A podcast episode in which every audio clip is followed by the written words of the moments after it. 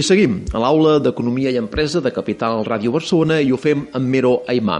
Ell és consultor d'empreses familiars i coach de famílies empresàries. Molt bon dia, Mero. Molt bon dia, Jordi. Abans que res, hi ha alguna diferència entre consultor i coach? És el mateix? Alguna... Bueno, eh, en definitiva és tangibilitzar dos tipus de serveis diferents. Un més adreçat a l'organització, a l'empresa, a l'equip, i l'altre eh, al servei també de les persones. Quan treballem amb famílies empresàries no hem d'oblidar mai eh, assessorar, cuidar, acompanyar també a les persones. Tant amb, amb la vessant individual com amb la seva vessant d'equip. Eh? Com a consultor i coach d'empreses familiars, un pensa en l'empresa com una organització racional que ha de tenir rendiments i beneficis, perquè si no doncs, tindrà mm, amenaçada la seva supervivència, per altra banda, amb les famílies pensem en una organització completament diferent, no? de cerca de la felicitat i de, de l'estimació. No? Com, com casen aquestes dues organitzacions, empreses i famílies? Han de casar. Han de casar eh, perquè realment aquí està el repte i aquí també està la gràcia de la feina. Eh? Eh, de vegades en una empresa familiar això és més complicat. Les emocions, els sentiments eh, estan més a flor de pell és, bueno, ja ho saps des del primer dia, és la matèria prima amb la qual has de jugar. Però també les compensacions. Mm, però m'atreviria, Jordi, també a dir que això no necessàriament passa només en les empreses familiars. A les empreses no familiars, encara que no s'estili massa dir-ho i encara que no quedi massa bé, les emocions, els sentiments, eh, també estan a flor de pell. Vull dir que, en definitiva, potser no són tan diferents. L'empresa familiar és una organització molt important per lo nombrosa que és. Eh, moltíssimes empreses o bé neixen com a familiars o inclús grans empreses encara ara poden considerar-se familiars com Inditex, no? amb Amancio Ortega i ara amb el seu relleu a la, a la filla. No? Um, de quines xifres estaríem parlant, més o menys?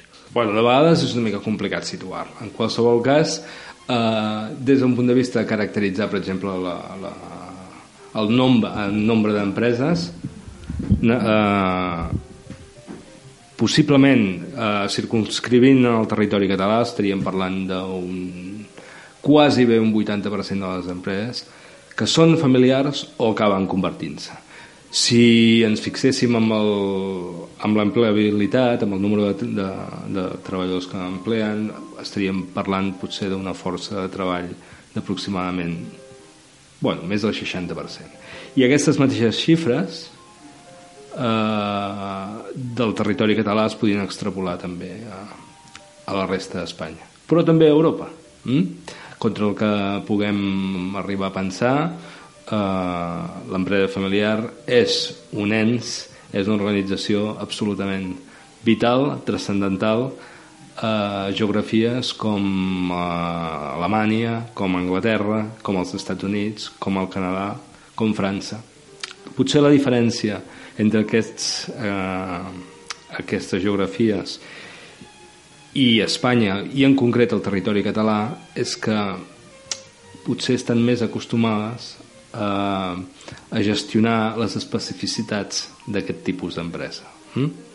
Estan més acostumats eh, al Canadà o als Estats Units de manegar-se amb, amb, bueno, amb instruments com podrien ser el protocol familiar o com altres instruments ja específics de gestió de l'empresa familiar. Aquí ens costa una mica més.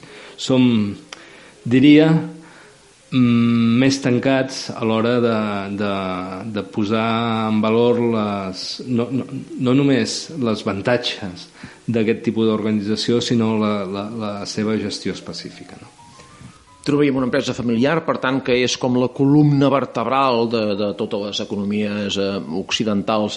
Potser també alguna altra diferència amb això que comentaves, um, a part d'aquest tancament, potser és el, el, el tamany, la dimensió. Aquí a Catalunya estaríem parlant d'una dimensió mitjana de 3, 4 treballadors, mentre que a Alemanya, per exemple, són bastant més grans, 17, 18 no? treballadors. És una de les dels reptes o les dificultats que ens trobem en el, en el teixit industrial català les, tenim, estem generalitzant, Jordi, eh, per suposat, eh?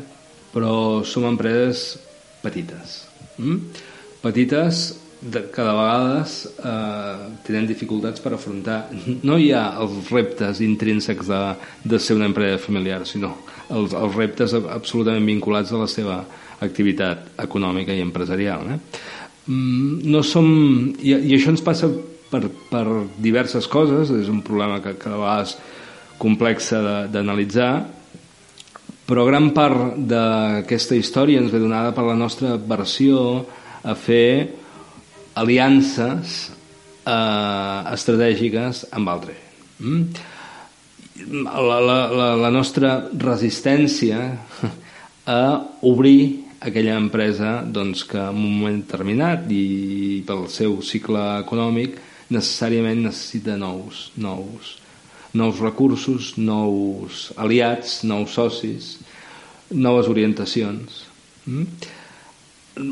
En general pequem d'aquí, eh? pequem de, de ser empreses realment eh, massa petites de vegades per afrontar els reptes de, que el segle XXI ens posa davant. Mm, amb, una, amb una economia global totalment internacionalitzada, clar, empreses de 3, 4 treballadors són potser molt petites, massa, excessivament petites. Sí, i de 14 també, i de 34 vegades també.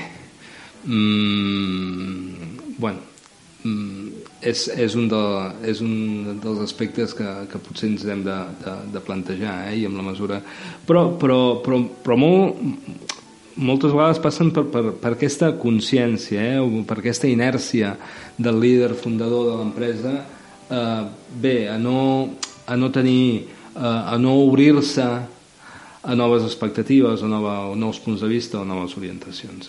És complicat, ja et dic, generalitzar, però a grans trets i des d'una mirada um, així um, a, a, la, a la distància repeteixo, pequem de ser massa petits. Quin missatge donaries a alguns dels nostres oients que segurament pues, poden tenir una empresa i ben segur o amb molta seguretat seran empreses familiars? Quin missatge li donaries? Bueno, en, en principi eh, posar una mica en valor totes aquelles eh, avantatges que les empreses familiars tenen.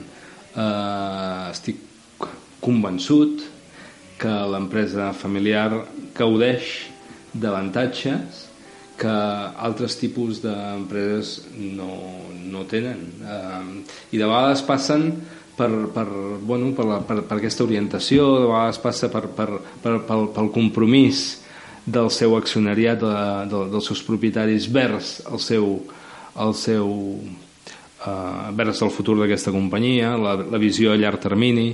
Mm, L'empresa familiar, en definitiva, és un, és un lloc magnífic per enriquir-se des del punt de vista des del punt de vista humà, des del punt de vista de valors, des del punt de vista de l'emprenedoria, però també des del punt de vista de fer créixer un patrimoni, eh? un patrimoni que mm, és susceptible de llegar-se i deixar-se als descendents.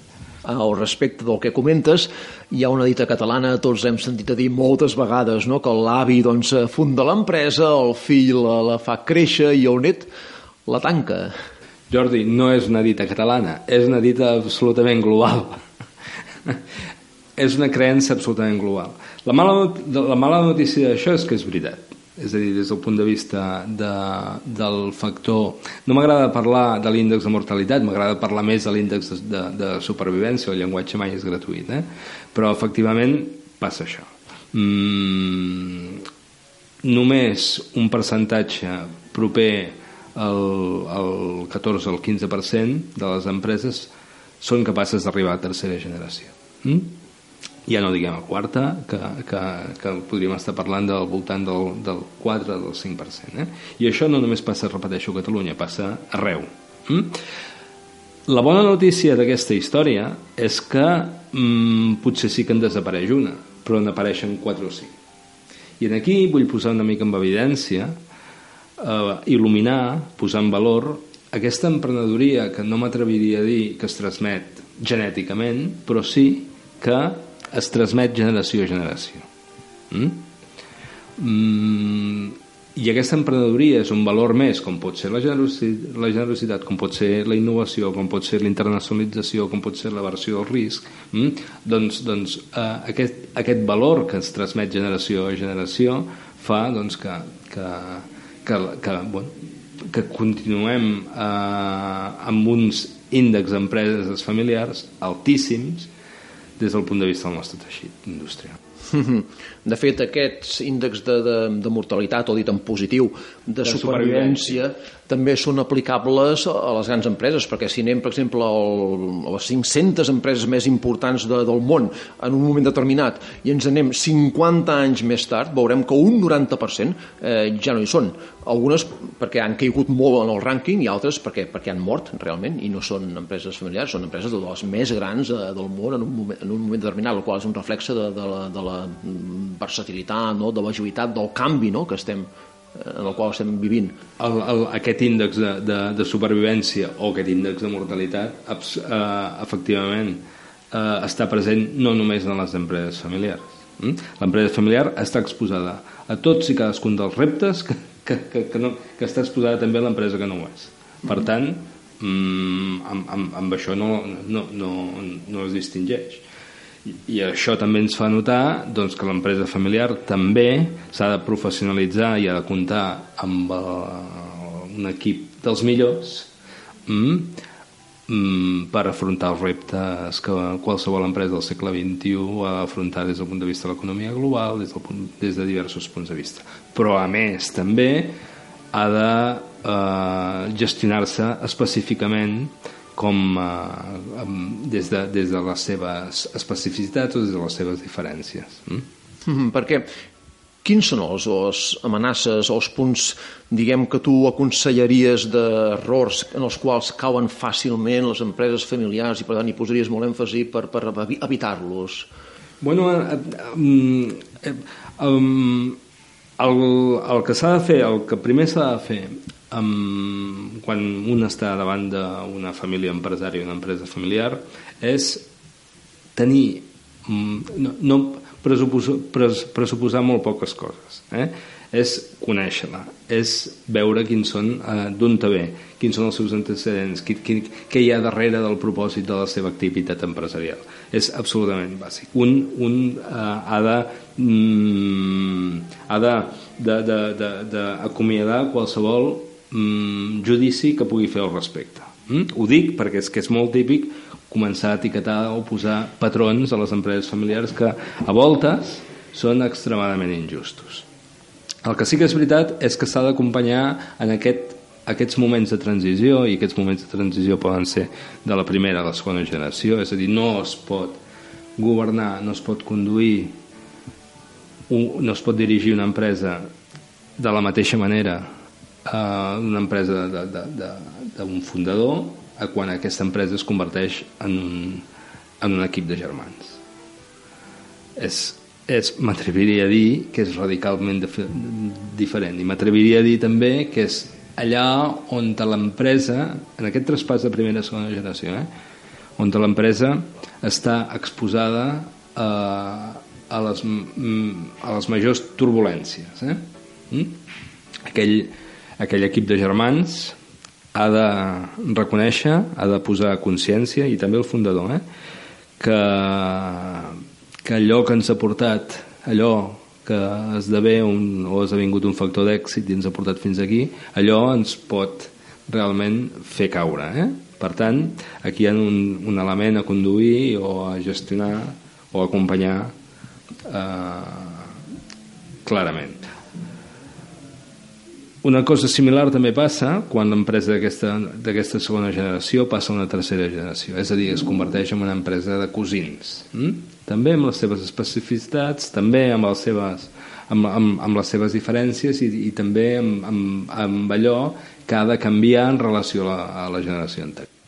Mm -hmm. Estem parlant amb Mero Aimam, consultor d'empreses familiars, coach de famílies empresàries. Aquesta, amb aquest canvi generacional, mm, hi ha algun protocol que sigui bo seguir? Hi ha alguna norma, diguem, sagrada o no? O s'ha d'adaptar a cada empresa? Particularment em posa una mica nerviós parlar de protocols, eh? Que, assumint també que el protocol és potser un dels instruments més amanits o més utilitzats a l'hora d'implementar un, una política de canvi o una política de professionalitzar en l'empresa familiar, però mm, el, que, el que penso que és més necessari és crear aquesta consciència de, de canvi, aquesta consciència de, de, de, de que les, les coses no es poden conduir de la mateixa manera. Per mi un protocol, un protocol familiar entès com a, com a, com a tal, és un exercici absolutament mm, massa gran per ser assumit per una família empresària eh, que potser no està acostumat o bé a com ens hem de comunicar o com hem de gestionar certs conflictes o com hem de separar els diferents terrenys entre família, gestió i propietat. Eh? Abans necessitem, és com fer una cursa, eh? abans necessitem un cert entrenament. No m'atreviria a abordar un protocol sense, sense, sense un cert entrenament. I aquest entrenament passa per mm, començar a diferenciar, repeteixo, aquests àmbits empresa, família, propietat, mm? eh, diferents interessos, diferents rols, diferents barrets. Aquest entrenament passa per um, acostumar-nos o, o, o exercitar-nos a, a, a parlar mm? de coses que potser no estem acostumats a fer-ho. Aquest entrenament passa també per ensenyar-nos o acostumar-nos a gestionar el conflicte com una oportunitat eh, de canvi mm? l'empresa familiar és, és com, com altres sistemes de la vida eh? però l'empresa familiar o les famílies empresàries és un terreny absolutament abonat eh, a, que, a, a aquesta dicotomia, aquesta discrepància entre la voluntat de canviar i la voluntat de resistir eh? mm? i és bo que això sigui i això genera conflictes que és bo que puguin ser gestionats de, de manera eficaç. Mm. Bueno, és, és, és, és tot un, un exercici de, de relacions humanes però repeteixo, eh, i sempre dic el mateix, eh, un, un, un, un entorn absolutament apassionant i penso que per aquelles persones que la vida els ha portat a combinar negocis i família, un gran privilegi. Però un privilegi que ha de ser eh, gestionat, cuidat i acompanyat. Estem parlant amb Mero Aymà, consultor d'empreses familiars, sobre aquest tema doncs, tan important perquè és la, la, la, la columna vertebral de tot sistema, que és l'empresa l'empresa familiar. Hi ha alguna altra qüestió que vulguis afegir, que consideris rellevant? Possiblement amb aquests oients que, que segurament molts seran empresaris i que per tant estan en el dia a dia d'aquesta empresa familiar? Bueno, uh, mm, hi ha tants factors que m'agradaria que, que m'agradaria abordar en aquests moments Eh, penso que els empresaris familiars hem de fer un pas endavant, hem d'enaltir una mica la nostra condició d'empresaris, la nostra condició d'emprenedors, mm? uh, saber defensar i il·luminar la figura que està fent l'empresa familiar dintre de l'economia, del teixit industrial de, del país, mm? I alhora també acostumar-nos a coses que estem menys acostumats a fer com per bueno, doncs, començar a dotar la, a començar a obrir aquella organització que potser fins aleshores ha estat una mica més tancada, començar a obrir-la més començar a gestionar la, la informació i la, comunica, la comunicació de manera diferent també mm? però en definitiva repeteixo, eh? un privilegi que hem de saber cuidar i un llegat magnífic i molt ric per deixar als nostres successors. Doncs agraïm les reflexions i que ens hagi prestat el seu temps. Mero Aymà, consultor d'empreses familiars. Gràcies i a reveure. Moltes gràcies.